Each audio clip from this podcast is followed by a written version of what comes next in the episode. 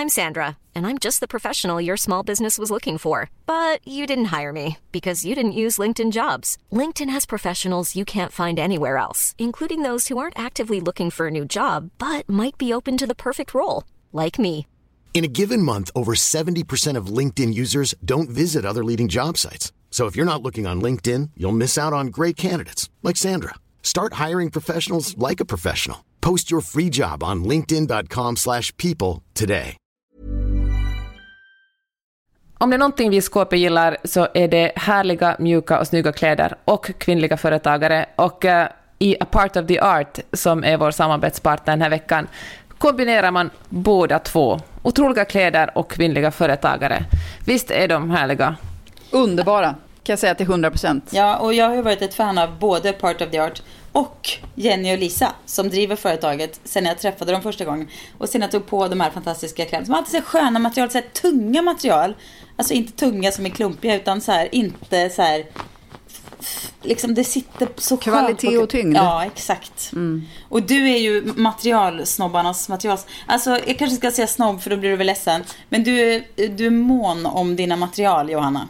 Det kan vi väl säga. Ja, men jag, jag shoppar inte med ögonen, jag shoppar med fingrarna. Jag går och, och drar med kladdiga tassar över klädhängarna. och då väljer jag det som är mjukast. Ja. Och där kommer alltid A Part of the Art in. Ja. Jag är helt... Alltså, Testa det nu! 20% även där på hela deras sortiment om man shoppar på apartoftheart.com. Man använder koden SKAPET20 så får man 20% rabatt på allt. Och hörni, gå också in och följ A Part of the Art på Instagram. Ni kommer inte att ångra er. Varsågod från oss till er säger jag nästan. För så, så himla härligt är det om ni lyckas, eh, om ni lägger rabarber på någon part of the art eh. Ah, kul för er, grattis. Varmt välkomna denna mysiga måndag eller tisdag vilken dag ni nu lyssnar på. Men måndagar är ju dagen då vi brukar släppa ett nytt avsnitt av Skåbet. Och då brukar Johanna Svanberg, som just nu befinner sig i eh, Vasastan, skulle jag tro. Eh, Tjenare, tjenare!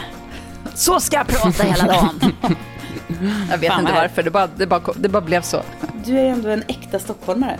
Det är nästan exotiskt kan man känna ibland i Stockholm. Det är många som... Det är kanske därför jag börjar prata med growl så fort jag får tillfälle. Ja, det gör du. Men vi har även med oss Peppe. Goddag, goddag. Kvinnan, myten, legenden eh, sitter i eh, Santa Monica och filar på nästa bok och artikel som snart kommer att levereras. Det är ungefär vad vi håller på med. Och sen har vi mig då. Jag heter Cecilia Blankes och ligger nerbäddad i en One Piece under ett flanelltäcke. Fryser ändå.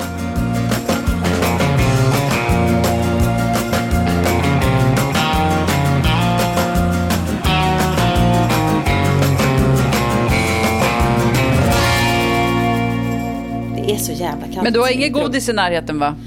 Ja, ja, det vet man aldrig. Det kan ligga allt möjligt i den här sängen under lakanen. Det är inte så säkert. Det kan vara lite både det ena och det andra. Jag vill bara säga att idag är det söndag.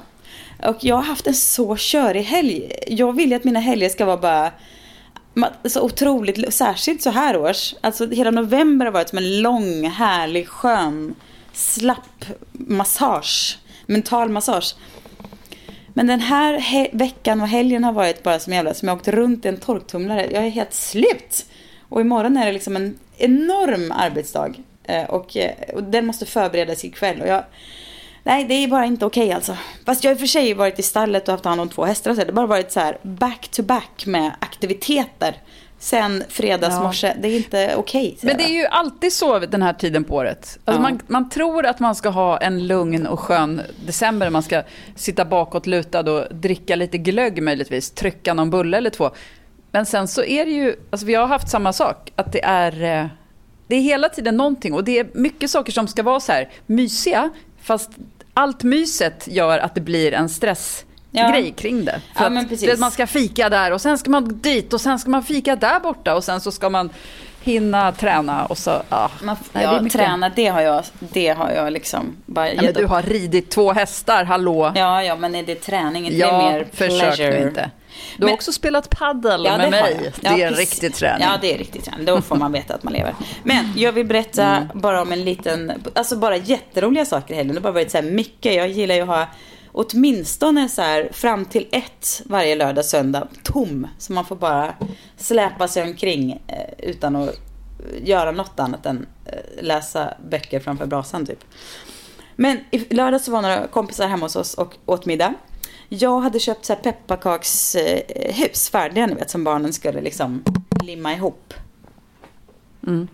Och, eh, ja, och så skulle de, hade de bestämt själva att de skulle ha så här eh, peppa, pepparkakshus-tävling. Göra pepparkakshus. Eh, och då var det två systerpar som har känt varandra sedan de var nyfödda. Så de ja, känner varandra väl. Och stora systrarna är ju såna här eh, typiska stora systrar skulle jag säga. Såna här som... Bossiga. vet, Som jag. är ambitiösa. Man behöver inte tjata på dem om läxorna för det löser de själva. De har liksom... De har bra självförtroende och de liksom levererar så. I andra laget hade vi eh, småsystrarna då. Två år yngre. Eh, lite mer fuck you-attityd till eh, allt också.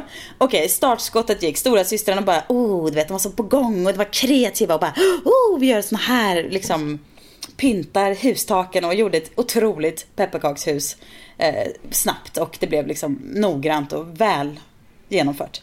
I andra laget, ehm, halvvägs in så bara bah, så hade de lyckats trasha hela pepparkakshuset. Så det låg liksom som en, som en berg av så här pepparkaksflisor och de bara tyckte att det var jättekul och bara hoppade på det typ. Sen hade de liksom lite så pudersocker på som hade varit som snö.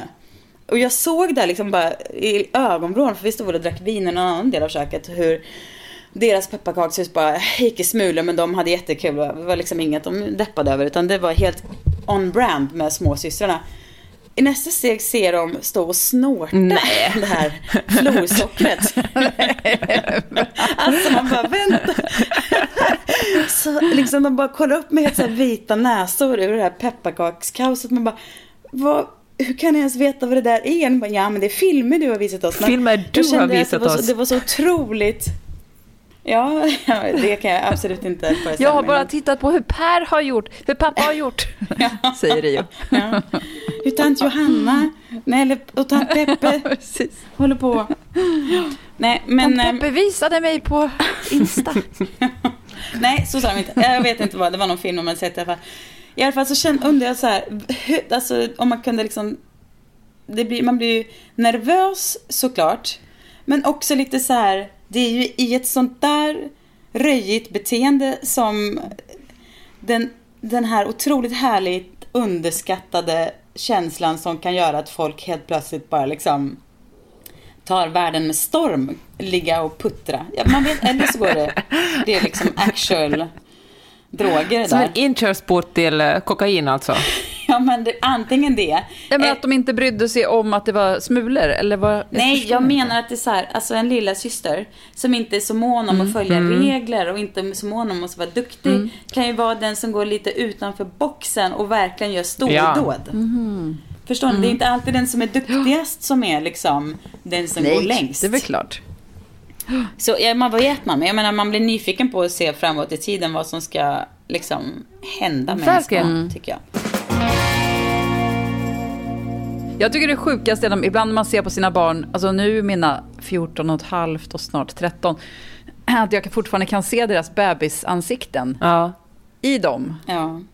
Det tycker jag är så sjukt ibland, när man säger bara, ja men det här är precis samma som du vet, när hon var ett halvår gammal, eller ett år. Och det är samma personlighet, det är samma face. Kommer du verkligen. göra det sen när, hon är det fem, när de är 50 också? Bara, Ja, antagligen. antagligen. Alltså jag ser säkert ut på samma sätt för min mamma. Men hörni, det, jag tycker, det där med att, att det verkligen göra, vare sig man stampar sönder sitt pepparkakshus eller gör någonting annat kreativt, är så intressant. Jag lyssnade på en podd som heter Hidden Brain, som handlar om hur vår kreativitet... De, bäst, de bästa, de duktigaste människorna är de som är såklart duktiga på en grej, men som ändå är tillräckligt opretentiösa för att våga göra bort sig genom att experimentera lite. Alltså, så här, må det bära eller brista, men vi testar så här. För tydligen är det så att, att ju duktigare, ju bättre man blir på någonting, desto mindre ser man möjligheten att göra det på ett annorlunda sätt.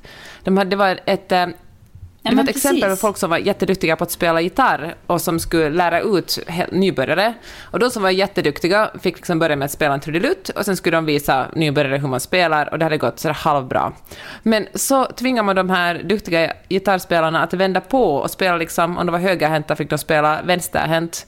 Och eh, vilket ju såklart var mycket svårare att spela med fel hand. Och, och då blev de på något sätt så mycket ödmjukare, de på något sätt skjutsades tillbaka till hur det var att vara nybörjare, att de eh, blev jättemycket bättre lärare. Och jag tänker att det är... Jag menar att man borde kanske, om man är duktig på någonting, borde man kanske öva sig på att uh, vara dålig på någonting ibland. Eller liksom testa någonting annorlunda och sen uh, se vad det öppnar för nya tankar kring en. Ja, men jag tycker överlag mm. att det här duktig, alltså folk, alltså det är ju en typisk så här tjejgrej att vara duktig. Jag har aldrig riktigt, uh, jag har liksom inte haft det som, jag har aldrig ens försökt, alltså duktig, jag var jätteduktig, men jag menar jag är inte liksom, jag är inte särskilt mån om att det ska vara så här perfekt saker och ting. Men det är ju en typisk tjejgrej. Men jag, precis, om man kunde vända på det och börja se det som så här, det är ju kanske inte det mest eh, eftersträvansvärda, att det ska bli väldigt rätt och väldigt bra och väldigt perfekt egentligen. För det är ju inte där Det beror ju på vad det är man gör. Ja, okej, okay, är man kirurg, absolut, då får det gärna bli rätt. Exakt. Men, Barnmorska. Men är man lärare, är man, ja men precis, då kanske man inte bara flöjtar.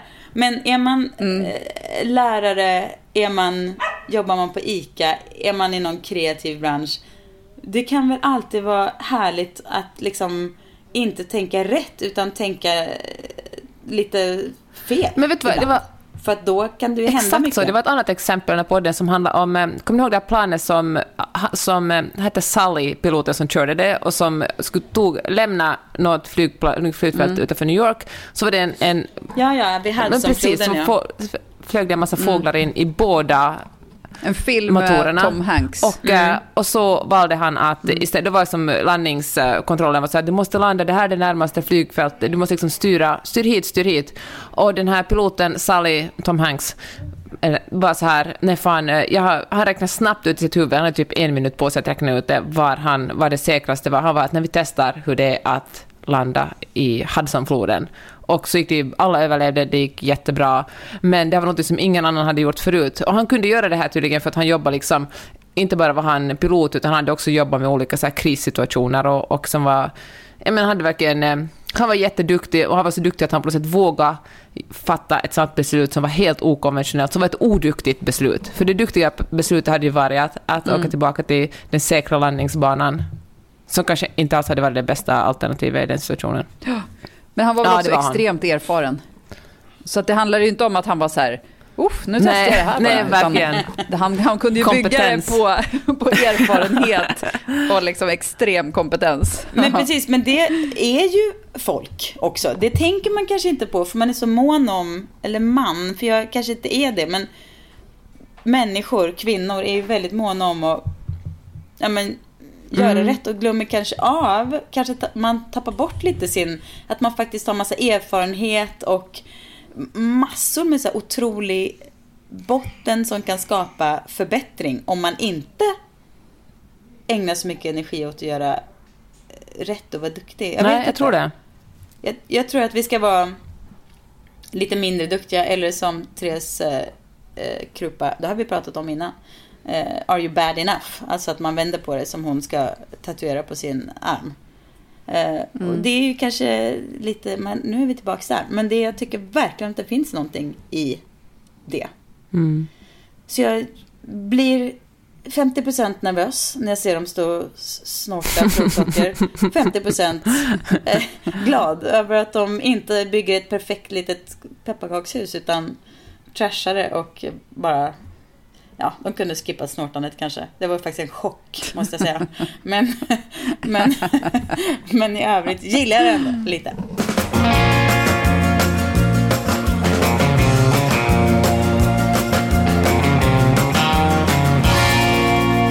Jag tänkte mycket som vanligt på droger och nu när du tog upp det så vill jag komma med en spaning. Och det är att äh, um, folk gör ju mycket droger här i LA och tydligen också i Stockholm. Alltså, det är mycket droger i omlopp där. Och alltså att äh, det finns ingenting som egentligen är coolt med att snorta kokain. Och, om, eh, och jag tänker så att det, det nya sättet att föra fram det här till att folk ska knarka mindre är kanske att kokain är ju verkligen inte woke. Alltså det är helt omoraliskt att äh, ha lite kul på bekostnad av att folk, drogkarteller mejar ner familjer och oskyldiga civila i sin kamp om att sina områden och få sälja, liksom tjäna jättemycket pengar. Några få människor vill tjäna jättemycket pengar och andra människor förlorar sina liv och, och liksom möjlighet att leva bara för att någon i LA eller Stockholm vill tycka att det är kul att snorta lite kokain. Och när man tänker på, alltså, det är ju väldigt lite fokus på när man tänker på hur eh, gängen och våldet och skjutningarna i Sverige som bara eskalerar. Eh, så är det så mycket fokus på integration misslyckanden och så. Men det är klart att en stor del av det här är ju pengarna. Ja. Och pengarna rör sig ju, utan att vara expert på området så har man ju förstått att pengarna kretsar förstås kring droger mycket.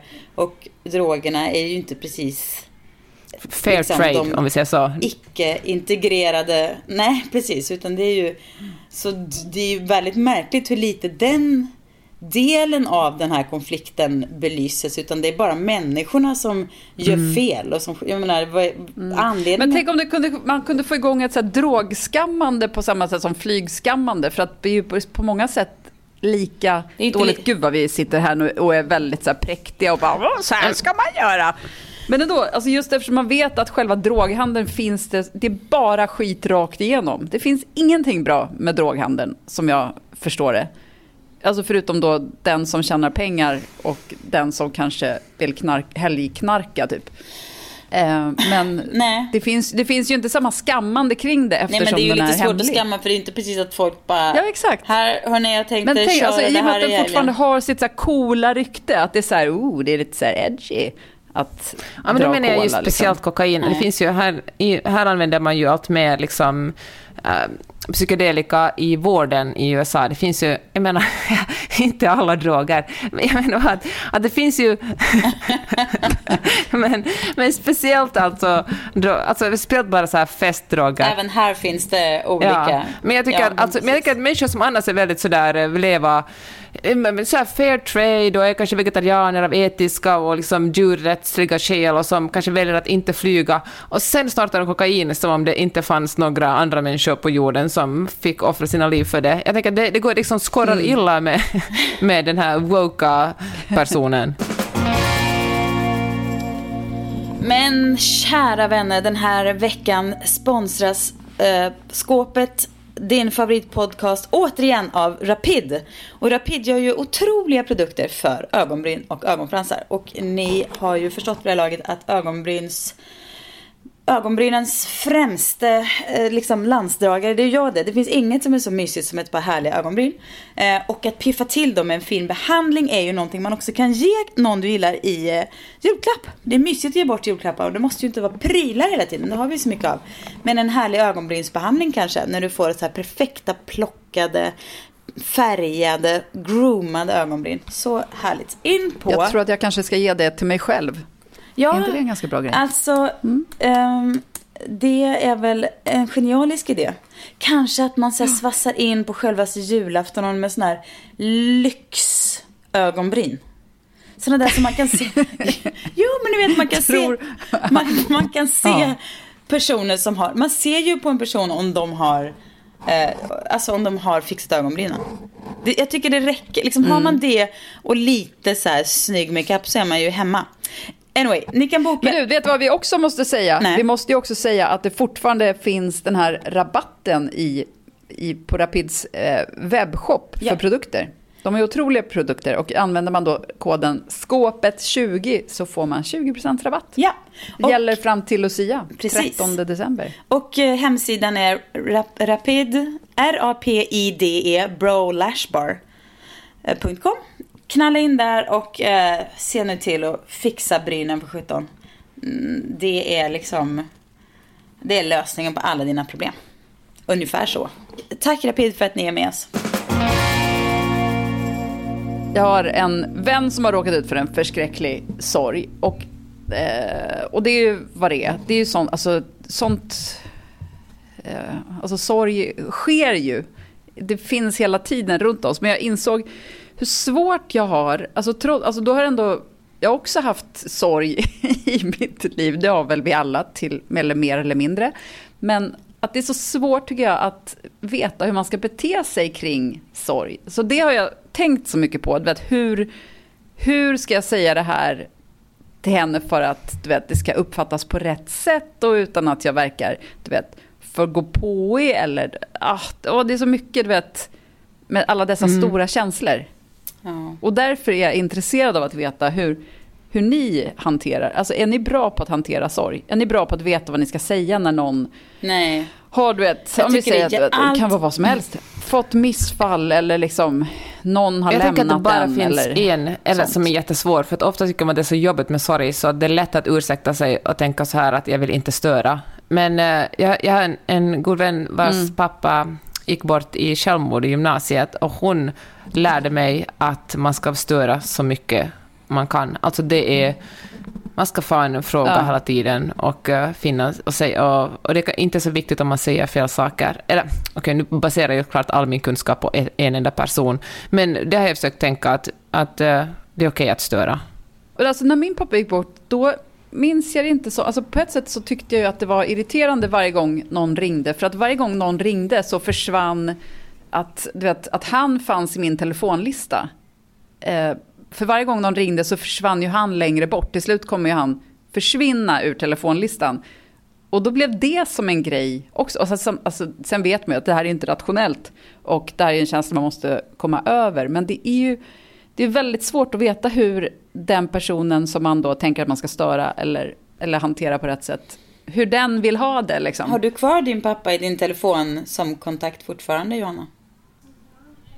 Eh, nej, alltså han hade aldrig mobil, men han hade ju ett telefonnummer på, på sjukhuset. Alltså mm. han hade cancer och eh, låg på sjukhus i några veckor. Så att det var ju därifrån ja, jag kunde se något, men jag tror inte. Ja. ja. men han var inte en sån som var för mobiltelefoner.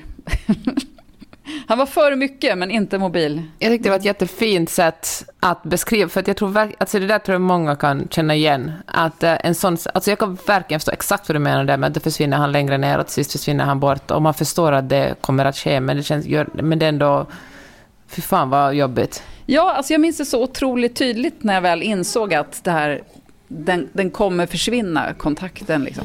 Ja, nej men jag vet ja. inte riktigt. Jag, jag, um, jag är urusel på att hantera. Alltså jag känner att jag blir antingen ja, blir alltså, jag... Alltså, jag har så många vänner som är så bra på det. Som så skickar ett sms som vet precis hur de ska uttrycka det och som skickar någonting och så bara Gud vad fint det där var, det där ska jag komma ihåg till nästa gång som jag behöver hantera någon sorg. Men det minns jag ju såklart aldrig.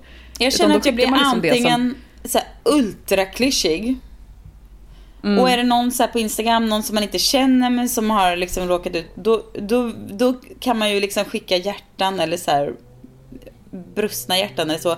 Vilket känns mm. urfjuttigt men ändå någonting. Mm. Eller så blir jag liksom, om det är någonting som är riktigt, riktigt jobbigt, och det här är den absolut värsta, den här är vidrig alltså. Då blir jag liksom lite så peppig. Och det vill ingen veta av, någon peppig jävla typ. Alltså inte så, bara, det går över. Inte så, men typ att jag ändå lutar åt så här. Vill typ säga så här, snälla, snälla. Och det är ju jag som liksom projicerar min egen ångest över något som har inträffat ja. på något sätt. Och vill så här, vi kan inte bara säga att det kommer kännas bättre imorgon. För det skulle kännas bättre för mig om du ville känna så mm. på något sätt. Och, mm. Så den får jag verkligen passa mig för och inte halka dit på att vara så här. Alltså, jag har så svårt att bara hålla käften vet, och lyssna. Det är som att man liksom. vill ju även hjälpa till. Jag kan vara så mycket så här, åh, det, man vet att den här, den här saken säger man ju ofta. Att säg till om jag kan mm. hjälpa till med något, vad som helst. Det säger man ju ofta. Ja. Det finns ju nästan inget värre att säga. För vad, vad, skulle, det är inte många som skulle säga så här, ja, okej, men då kan du göra det här och det här. Om du kunde komma hit och alltså, klia mig på ryggen. Man måste ju vara mer praktisk, alltså man måste vara mer direkt. Att, ja. du vet, man går och lämnar mat utanför dörren. Eller man, man gör liksom någonting aktivt. Men det är också det som är så mm. svårt. Men en sak som jag har tänkt ja. på med sorg är att mm. det är som att man bara får kalla sorg för sorg när något väldigt konkret har hänt. Mm. Alltså förlorat någon, missfall. Ja, något väldigt så här konkret avslut på något sätt. Det är då Mm, man liksom förstår att andra personer har sorg. Men man egentligen så kan ju sorg vara alltså väldigt mycket mer än så. Det, oft, för mig i alla fall så kan det handla om relationer som aldrig blev det man önskar att de hade kunnat bli. Till exempel med en förälder kan det ju vara. Ja, Um, just det. Som är en mer en långt, en levande... alltså en pågående sorg som bara Precis. existerar. En och som man får leva med. Ja, men precis. En Mm. levande förälder. Som man har ett helt liv bara har liksom känt sig avvisad. Eller ja, inte fått liksom... Ja, man har inte fått det man har behövt helt enkelt av den personen. Och det Mm. tror jag att jag kan nu som liksom 42 gammal och så förstå är en sorg för mig. Men hade jag fått det ordet på den känslan för mig tidigare i mitt liv så hade det kanske varit så mycket lättare för mig att bara acceptera det. Och så kan det vara kanske med många känslor som sen blir den så här konstiga vaga ångesten som dyker upp. Och man kanske kan bara så här få ett liksom redigare ord på det. Eller få känna sorg. För det kan man ju, sorg kan ju vara... Det måste ju inte vara en farmor som dör. Utan det kan ju vara sorg över ett misslyckande eller över någonting. Alltså det, vad fan som helst som är det som plågar en kan ju vara Ja, men en det sorg. kan man väl kalla det. Ja, men man kanske kan det, men det gör ju inte det riktigt på samma sätt. Och då tänker jag att det blir så mycket svårare att hantera det. För då blir det lite som att det inte riktigt gills. Sorg gills, alla fattar du är ledsen. Ja, men är det för att sorg låter som att det är en sån... Eh, alltså det, det sjuka med sorg är att det är en så kraftig känsla och samtidigt som den är helt inaktiv. Alltså den, man kan inte... Den är ju bara förlamande, sorg. Det är ju inte, det är inte som ilska när man liksom går runt och... Eller glädje, Eller vadå, utan sorg, inte är sorg ju liksom bara som ett... Är det så? Kan inte sorg se ut på massor med olika sätt, tänker jag? Alltså, jag menar, det kan Jo, vara... fast då är det väl olika sätt man hanterar sorgen. Sorgen i sig är ju... Alltså, visst, man kan säkert bli utlevande av sorg. Alltså, du vet, så börjar man knulla runt eller vad man gör. Eh, För att man försöker hitta olika sätt att hantera det. Men då är det ju inte sorgen i sig egentligen. Eller? Eller så är det det. Jag vet inte, jag tänker Mm. bara att man kan få stoppa in mycket mer. Man kan få, man kan få att sorg, alltså kanske att ång- ångest som ibland kan kännas som att det liksom lite används på lite vad som helst. Liksom. Söndagsångest, måndagsångest, ja, allt det där. Mm. Att det liksom blir lite så här. Det blir så. Tänk om man kunde känna så här, men jag, liksom, jag känner sorg över det som inte blev som jag hade önskat i livet. Alltså om man kunde vidga begreppet lite så kanske andra, så skulle det kanske vara lättare att hantera. För att eh, ordet och begreppet sorg har man en jävla respekt för. På något sätt. Man kanske skulle ha det för Min- sig själv också. Ja, precis. Min brorsa gjorde en, apropå sorg, alltså efter att min pappa hade gått bort så gjorde han en tatuering som är liksom ett K som min pappa hette Kjell och så en pipa för han rökte pipa. Ja, jättefin tatuering som jag tänkte, men det här borde jag typ också göra. Bara för att det är fint. Men igår träffade jag en tjej som hade gjort en ännu bättre tatuering efter att hennes pappa hade gått bort, vilket också var länge sedan. Eh, hon, han brukade liksom skriva under ett vykort och sådär med en speciell hälsning. Så hon har tatuerat den på sin arm fast ehm, spegelvänt. Så om hon står och borstar tänderna eller sådär, så ser hon som en, gud jag kan börja gråta vad jag pratar om det, men det, så ser hon som en spegelvänd Ja, hälsning fint. på sig Ja, själv. verkligen. Var inte det fint? Verkligen fint. Min mamma fick en, en stroke för nästan tio år sedan och hon lever fortfarande. Hon har afasi, så hon har svårt att prata. Men eh, hon är, alltså, vi talar nästan varje dag i telefon. Och, eh, men här, för något år sedan så träffade min lilla syster och hon hade spelat in en intervju med min mamma innan stroken. Och då slog det mig att min mammas röst har förändrats. Hon liksom hon lät helt annorlunda innan stroken än vad hon gör nu. Jag vet inte om det är någonting med stroke som gör att man får en, eller att man kan få liksom en monotonare röst. Och eh, det slog mig så hårt, för då slog det mig att det var verkligen en... Ja, men min mamma var en annan person innan hon blev sjuk. Och eh, det var... Alltså, det var så konstigt, för hon lever ju fortfarande. Ja, men vore inte det någonting som kunde vara skönt för dig Och bara vara så här, att jag känner sorg över att den delen av en person som jag har betytt så mycket för mig Ja. inte finns längre. Precis. Även om hon Ja, men- lever. Jag menar att, att det kan finnas så mycket så här att tjäna på att bara vidga begreppet sorg lite. Att man kan få använda det.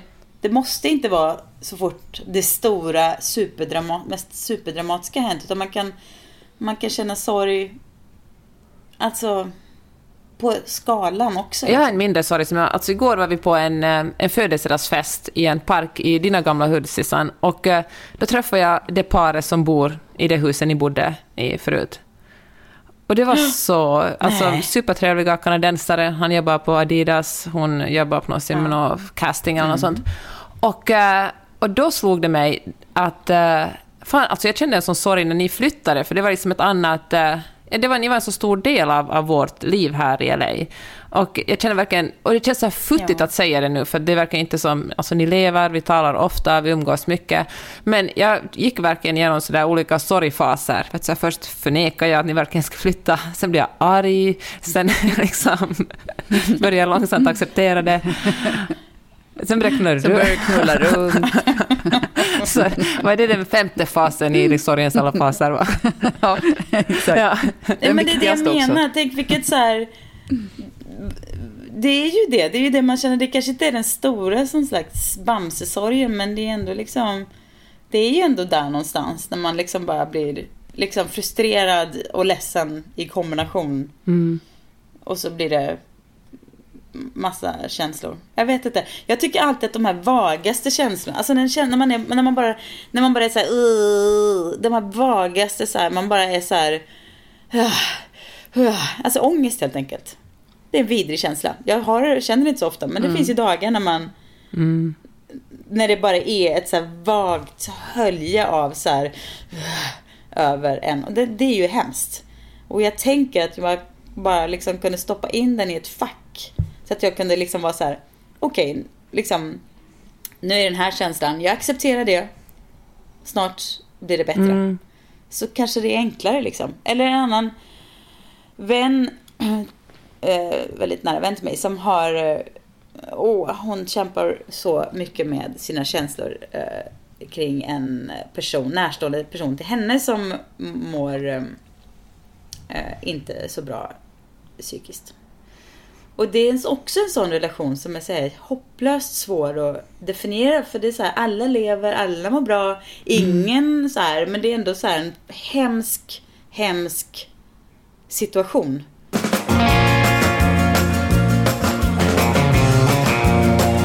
Fan, ursäkta mig, men det är en jävel som håller på att överbuda mig på mitt Tradera-bud. en sorg i sig. Ja, precis. Du kommer känna sorg om du inte får köpa den där grejen. Ja, vad det nu är för exakt. något. Ja, det är en, jag ska säga vad det är. Det är en morgonrock från Pelle Vävare. För jag har nämligen fått en Pelle Vävare morgonrock mot, från en otroligt trevlig kvinna som, som driver företaget. Vi bytte helt enkelt. Det var byteshandel. Jag fick morgonrock, hon fick skor. Och så höll vi på sådär. Mycket sånt jag håller på med för övrigt. Nej, men jag blev, har ju alltså blivit beroende av Pelle Vävares morgonrockar. Det går inte att leva utan alltså. Det är så här, riktiga gubbmorgonrockar. Så här tjocka, härliga, gosiga. Och nu har jag ju hittat på Tradera här ett par stycken alltså. Men den här lilla aset ska hon fan inte få ta från mig. Den ska jag vinna. Så ni får helt enkelt leva med att detta kommer ske parallellt.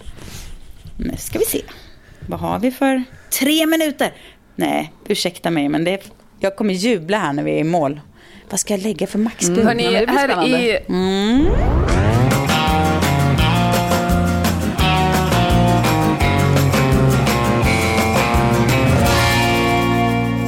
Hörni, här i USA pratar man om abort igen eftersom äh, den här frågan är uppe i högsta domstolen. Och äh, det, är, men det är inte så komplicerat egentligen. Så är det. Sedan 1973 har det funnits en federal lag, alltså en lag som har gällt hela USA, som handlar om att äh, abort är lagligt fram tills att fostret klarar sig utanför sin mammas kropp.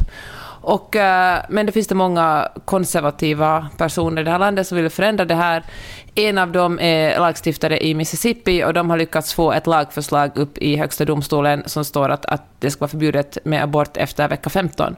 Och de allra flesta aborter görs före vecka 15, men, eh, men det här skulle ändå... Det, det här innebär i praktiken, om Högsta domstolen säger att ja, men det här är rimligt, då blir det också möjligt för alla andra delstater att eh, justera sina egna abortlagar eftersom då, då, ja, men då, då, då justerar man om hela liksom, den här federala lagen. Och då har jag tänkt på en sak jättemycket och det är manlig sterilisering. Och det här sägs som liksom inte sådär alla män ska steriliseras, utan helt enkelt kan män börja ta lite ansvar över reproduktionen. Alltså, ska kvinnor verkligen sätta situationer de är, blir gravida, eller de måste äta p-piller, eller liksom hormoner, eller räkna dagar? Jag menar, sterilisering är väl den perfekta grejen. Alltså det går ju till och med att, att uh, avboka den. Man känner sig, man är, man är man, man tänker okej okay, nu steriliserar jag mig, så ändrar man sig och vill plötsligt ha barn. Och då kan man, göra, då kan man avsterilisera sig. Allt är fint. Du menar liksom att man kan... Ja. Jo, men vet du vad? Alltså, vet du, problemet där är ju att då måste man som kvinna lita på mannens ord om att han är steriliserad. Och hur ska man kunna göra det? För att om, om han skulle ljuga så skulle man ju ändå stå där med problemet. Steriliseringskort graviditeten. Så som vaccinkort. Exakt. Vaccinpass och steriliseringspass. Okej, och då ska man som kvinna ha liksom en avläsare så man kan så här, tolka själva QR-koden. Åh, romansen, romansen spirar. Jag tänker att jag får tala med min, alltså min son om det här. Att uh, göra det till en självklar sak i hans liv, att när han är färdig med barn, eller om han vet att han inte vill ha barn på länge, mm. då får han fan sterilisera sig.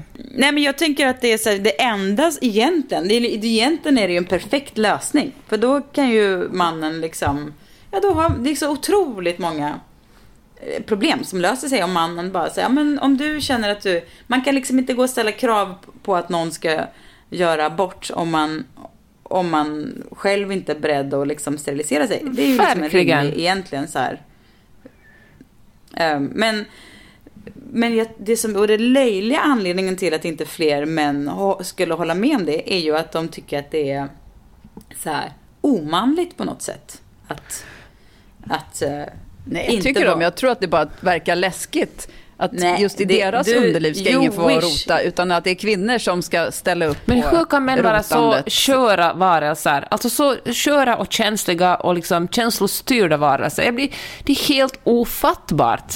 Men det är ingen som har ställt de kraven på dem tidigare. Utan nu ska saker och ting förändras här över de närmaste... En sterilisering i julklapp, det är väl en jättefin grej? Den oväntade julklappen. Ja. Men läste ni inte om den här italienska mannen som, hade, som ville ha vaccinpass men som inte ville vaccinera sig? Så han gick dit med en silikonarm ja. för att få sprutan i silikonarmen. Det är sånt som, som vi kommer att bli drabbade av när, när steriliseringarna ska börja göras på på löpande band. Och du har kommit med en dildo.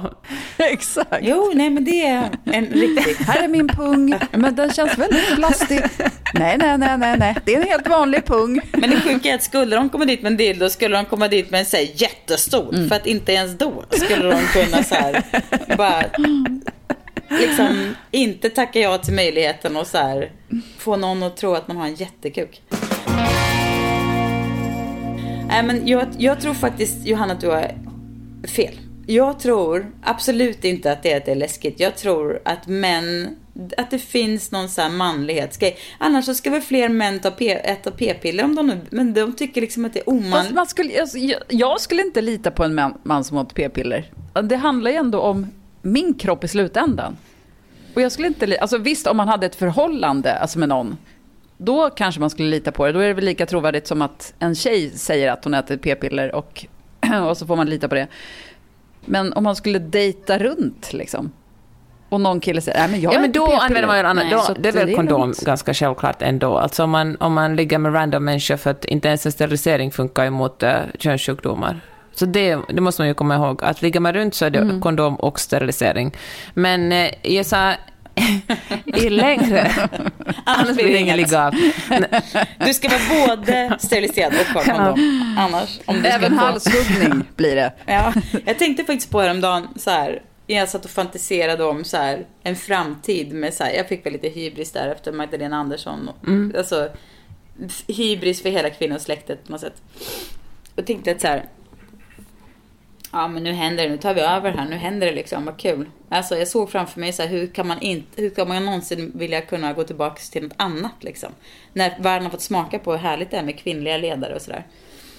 Och då tänkte jag så här, men gud, ska, hur ska de här stackars männen, vad ska vi ha dem till? Om det är bara kvinnor som tjänar pengar, mer pengar i framtiden och liksom har alla de attributen som har varit männens liksom enda, liksom, ja, trumf mm. helt enkelt. Vad, vad ska vi ha dem till? Då vet du vad jag kom på? Det, det finns två, två saker de måste bli bra på för att hänga kvar. Ja. Och det är att de måste vara liksom otroliga på att give pleasure. Och då menar jag på Oralsex. alla... Nej, ja. Det, nej, men jag menar alltså att de ser till att de är så här... Alltså de kliar en på ryggen, man ser mm. fötterna. De är så bra på att liksom mm. göra att det liksom... För man vill ju heller inte att man, så här ha så här, ja då får ni vara hemma och sköta barnen och så får man väl inte bli en man. Liksom. Nej, inte det verkligen inte. En, så. Man vill inte ha ett sånt liv. Men det är roligt att du tror att män är liksom inneboende as hela tiden och att det är det, att det som har varit hittills är, är liksom deras sanna grej. De har ju också levt som en eh, produkt av samhället. Jo. Alltså, de är också personer innerst inne, men sen så handlar det om samhällets förväntningar Nej, men, och vad, fast, och Johanna, vad man kräver de bryr sig ju inte på att förändra det. Det är det som är problemet. De har lite för gött för att vara intresserade nej, av nej, att förändra det. Nej, men när de väl tvingas att förändra sig, då kommer det ju förändra sig. Jo, men, alltså, nej, men det, jag har väl inte sagt något om att de... Spelregler. Ja, och jag har väl ja, inte sagt något om att de är as. långsamt framåt. Nej. Jo, för du, alltså, du är inne på att, att de kommer bli tvungna att göra det här. Det är klart de kommer anpassa sig på andra sätt, tänker jag. Nej, men jag menar, jag, nej, det enda jag undrar över så här, alltså de måste liksom, om de inte har liksom ekonomin som sin trumf, Nej, då kan de ju absolut steppa upp och bli liksom jämställda, absolut. Men man vill inte... Ja, men målet är väl ändå att det ska vara jämställdhet, inte att så här, kvinnan ska gå om mannen och bara... Jo, det tycker jag absolut. Nej, men det köra jag... över på Hallå. samma sätt som männen har gjort med jo. kvinnor. Det tycker jag låter idiotiskt. Men jag tror man får skjuta över, för att för att nå jämställdhet måste vi ha sikte på att kvinnor känner mer, för att, för att uh, män kommer ju aldrig Exakt. att ge ifrån sig makten. Män kommer ju aldrig vara så att ni är välkommen, sätt dig här i vår styrelse, varsågod, jag får lite mer pengar. Hej, vill du gå hem utan att bli antastad på kvällen? Vi fixar det. Det kommer ju aldrig att ske, så då får man ju helt enkelt ta till lite, ja, men, lite grövre metoder, som att kanske gå förbi männen och sen låta det jämna ut sig. Ja, och som sagt, jag, har, jag tror det här var när jag var i min hybrisbubbla här i veckan. Alltså inte mm. min hybrisbubbla, men det var kvinnlighetens, det var alltså mm. alltså kvinnohybris jag hade. Att så här, som sagt, vem, vem ska vilja gå tillbaks till så här domderande tafsgubbar när man har haft en så här härlig kvinna som har styrt och ställt. Alltså, jag, det är det jag tänker. Så det kanske blir så i en framtid. Man bara, nej, oj då, nu... Och, eller också att kvinnor bara anställer, alltså gjort som gubbarna har gjort. Jag vet inte, jag tänkte bara en framtid, då måste ju männen, då menar jag, att de kan säga give pleasure menar jag inte bara sexuellt utan att de är så här och att de måste vara otroliga lyssnare. Då kommer de ha en säkrad plats även i våra liv i framtiden. Ja, det var vad jag tänkte mm. bara. Det är bara att börja, börja bearbeta Remi redan nu. Remi, give pleasure och lyssna. ja, men det gör jag typ alltså. Ja. I alla fall att han ska lyssna. Give pleasure är ju liksom lite mer. För sig han är ganska bra på att ge mig fotmassage och sånt där. Så ja, jo då. Jo, men jag skulle vilja prata om en goda råd. Mm. Eller mm. saker som sägs vid rätt tillfälle. Alltså rätt ord vid rätt plats som har påverkat en mycket. Jag har eh, liksom några sådana som har fastnat i mig. Och du vet, det, råk, det bara råkar sägas precis när man behöver höra det som mest. Uh, och jag är nyfiken på att höra vilka, ifall ni också har det och vilka det skulle vara. Och då tänker jag att det kan också vara någonting för er som lyssnar. Vem vet, det kanske kan vara någonting som någon där behöver höra. Precis som jag kanske behövde höra de här sakerna när någon sa det till mig. Förstår ni vad jag menar? Ja. Ja, ja. jag förstår. Jag är nyfiken. Jaha, okej. Okay. Vad är det för ord? Ja, okej. Okay. Mm. Ja, men det, det är en, en, väldigt ytliga saker till väldigt uh, självklara saker. Och några som bara är lite uh, jag vet inte. Jag börjar med, eh, min kompis Lovisa sa en gång när livet eh, var, kändes så här otroligt, eh, det, besluten kändes så här oöverstigliga. Ska jag verkligen liksom göra slut på det här pissiga förhållandet? Eh, ska jag verkligen flytta dit? Ska- Det var så många så här, stora, stora beslut som kändes... Man blev helt matt bara tanken på att jag skulle så här, hur ska jag, fan ska jag kunna veta? Och då sa Lovisa, och det här låter ju så självklart, men då sa Lovisa så här, men hur ofta väljer man fel egentligen? Och det är så jävla sant.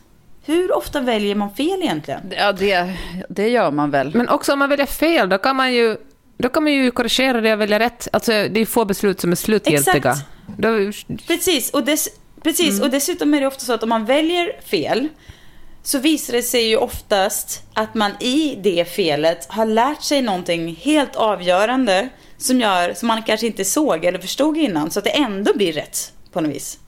jag gillar det. Alltså man kanske väljer fel. Man kanske, man kanske fattar ett korkat. Ja, men det är klart man gör korkade saker i sitt liv.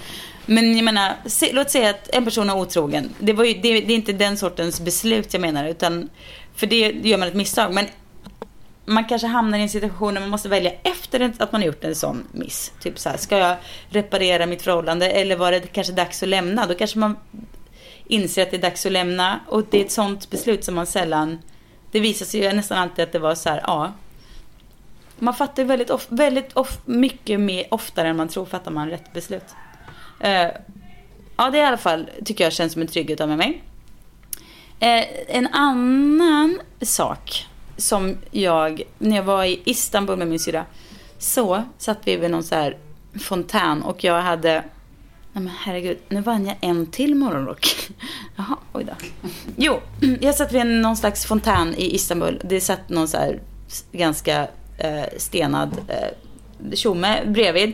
Och jag oroade mig så för mycket och kände att jag hade hela jo, världens ansvar på mina axlar. Och eh, tänk om det här händer och tänk om det här händer. Och Du vet, man bara målar fan på väggen eh, innan saker har hänt. Och ja, det var liksom en, en, det var övermäktigt livet liksom. Med allt jag skulle liksom. Och då satt han och var så här lallig och flummig och på något sätt så, det, han visste väl inte hur jag kände. Utan, men han sa i alla fall i det sammanhanget bara att, men, ja men man, det är som, man, you, have, you gotta trust in luck, sa han.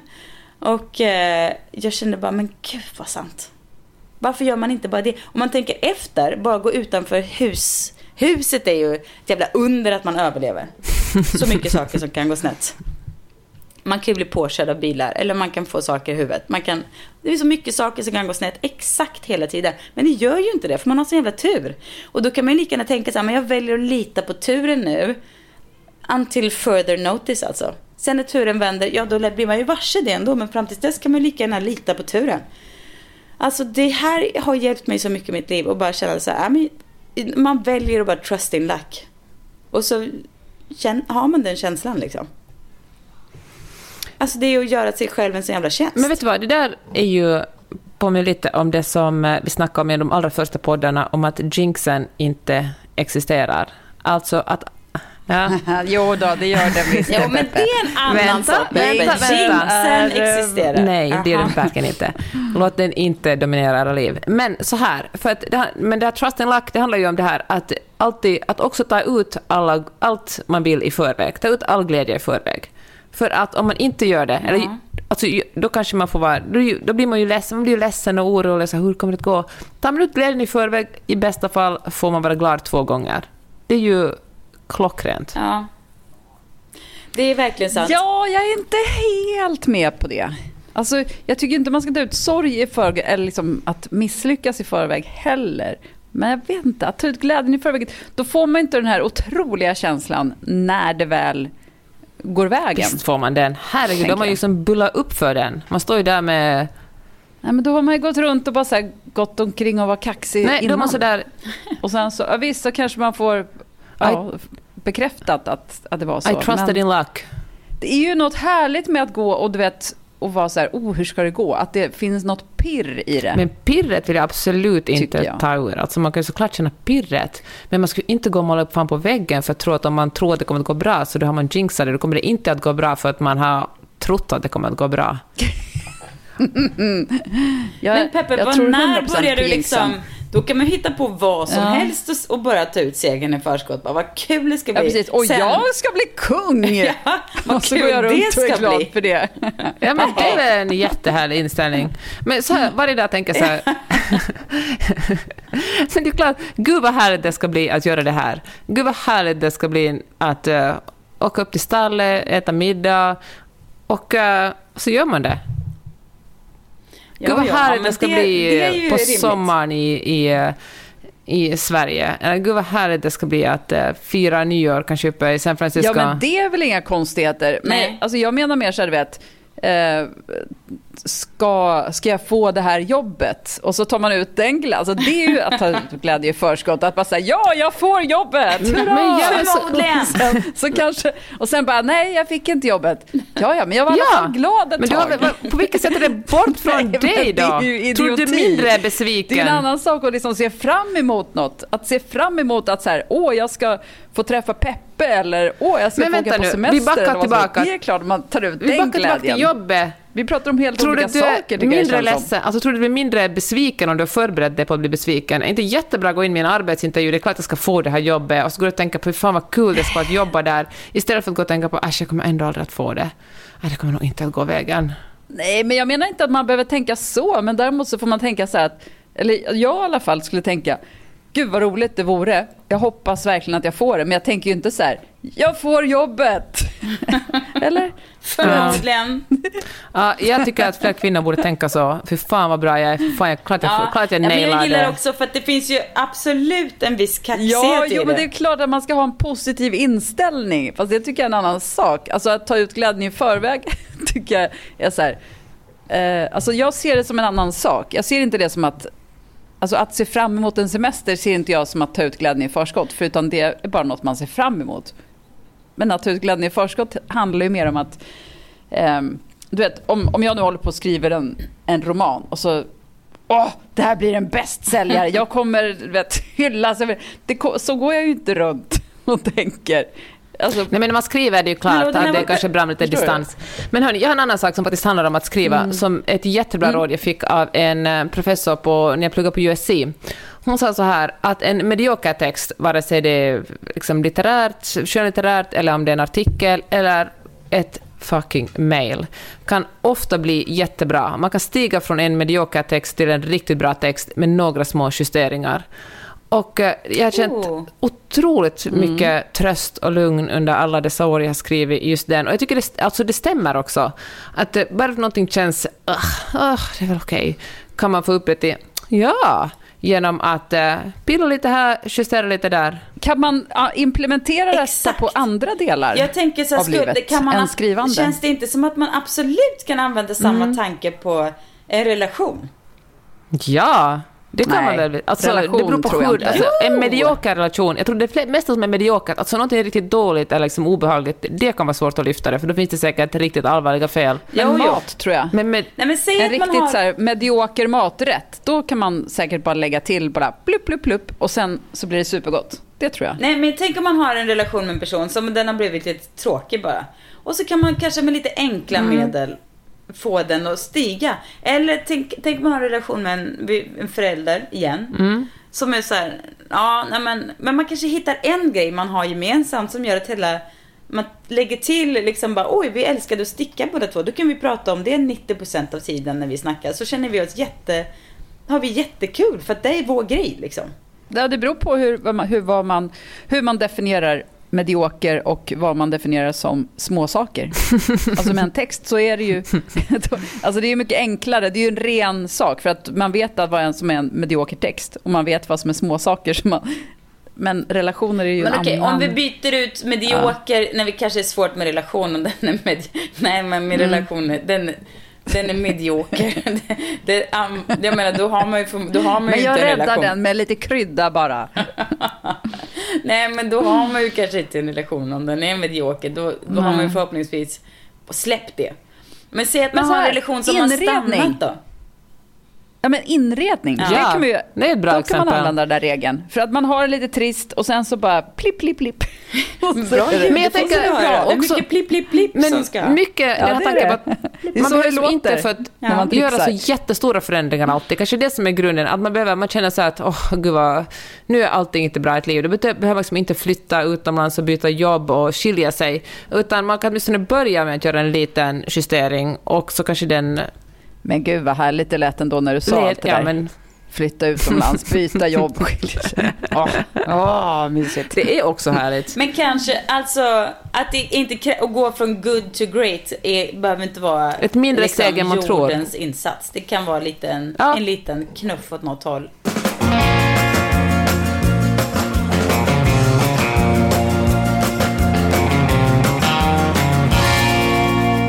Hörni, har ni några bra rekommendationer den här veckan?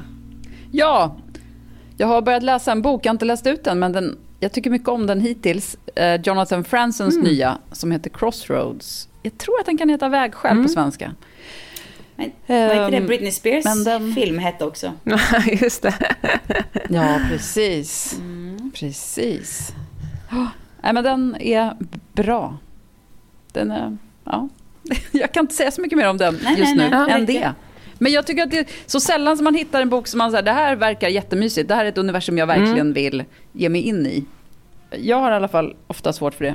Men nu har jag hittat den. Jag läser en bok som heter eh, The Ministry for the Future som faktiskt Barack Obama tipsade om. Och så, hade jag, och så köpte jag den. Jätte, den är jättetjock vill jag säga. Och det handlar om framtiden med lite apokalyptisk och eh, klimatförändringen. Och nu låter det superdeppigt, men jag har läst de första kapitlen och det verkar också jättebra. Jag får återkomma till den när jag har läst längre in. Men om någon vill köra bokklubb så här med mig så är det, heter den The Ministry for the Future. Men en lätta, ett lättare tips är eh, Mindy Kalings eh, nya serie på HBO som heter The Sex Life of College Girls.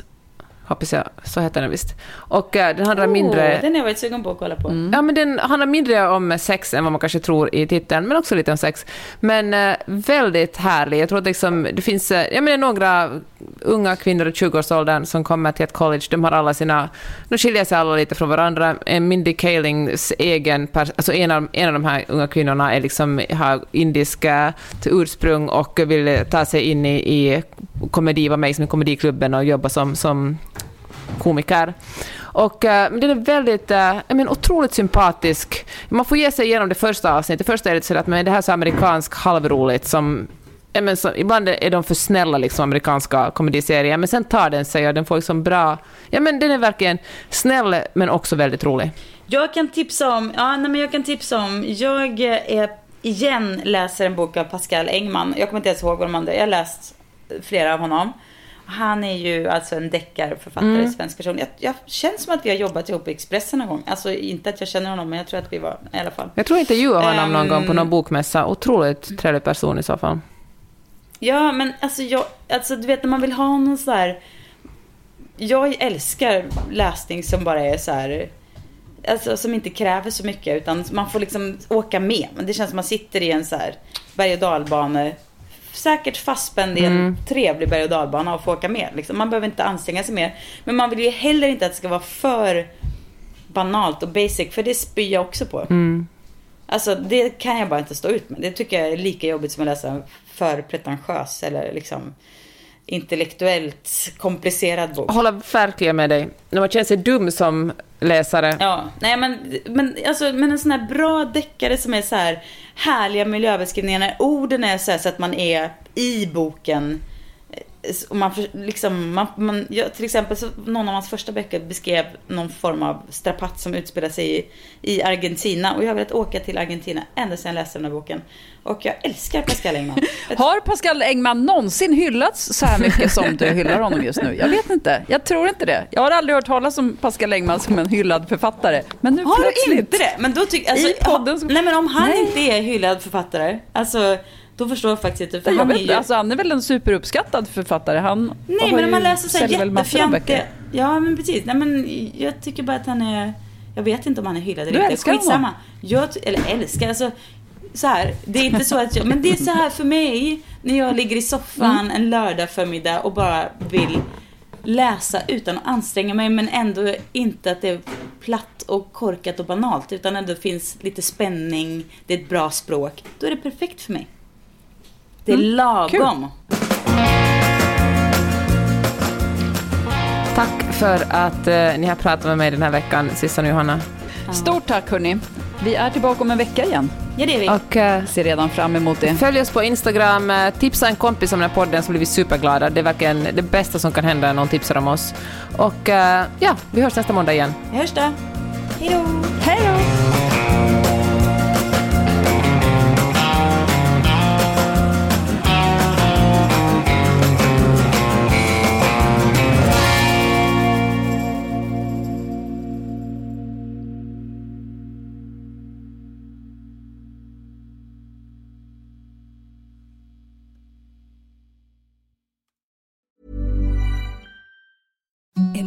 the softest sheets you've ever felt. Now imagine them getting even softer over time. That's what you'll feel with Bowl and Branch's organic cotton sheets. In a recent customer survey, 96% replied that Bowl and Branch sheets get softer with every wash. Start getting your best night's sleep in these sheets that get softer and softer for years to come. Try their sheets with a 30-night guarantee. Plus, get 15% off your first order at bowlandbranch.com. Code BUTTERY. Exclusions apply. See site for details. Hey, it's Paige DeSorbo from Giggly Squad. High quality fashion without the price tag. Say hello to Quince. I'm snagging high-end essentials like cozy cashmere sweaters, sleek leather jackets, fine jewelry, and so much more. With Quince being 50 to 80% less than similar brands. And they partner with factories that prioritize safe, ethical, and responsible manufacturing. I love that. Luxury quality within reach. Go to quince.com slash style to get free shipping and 365 day returns on your next order. Quince.com slash style.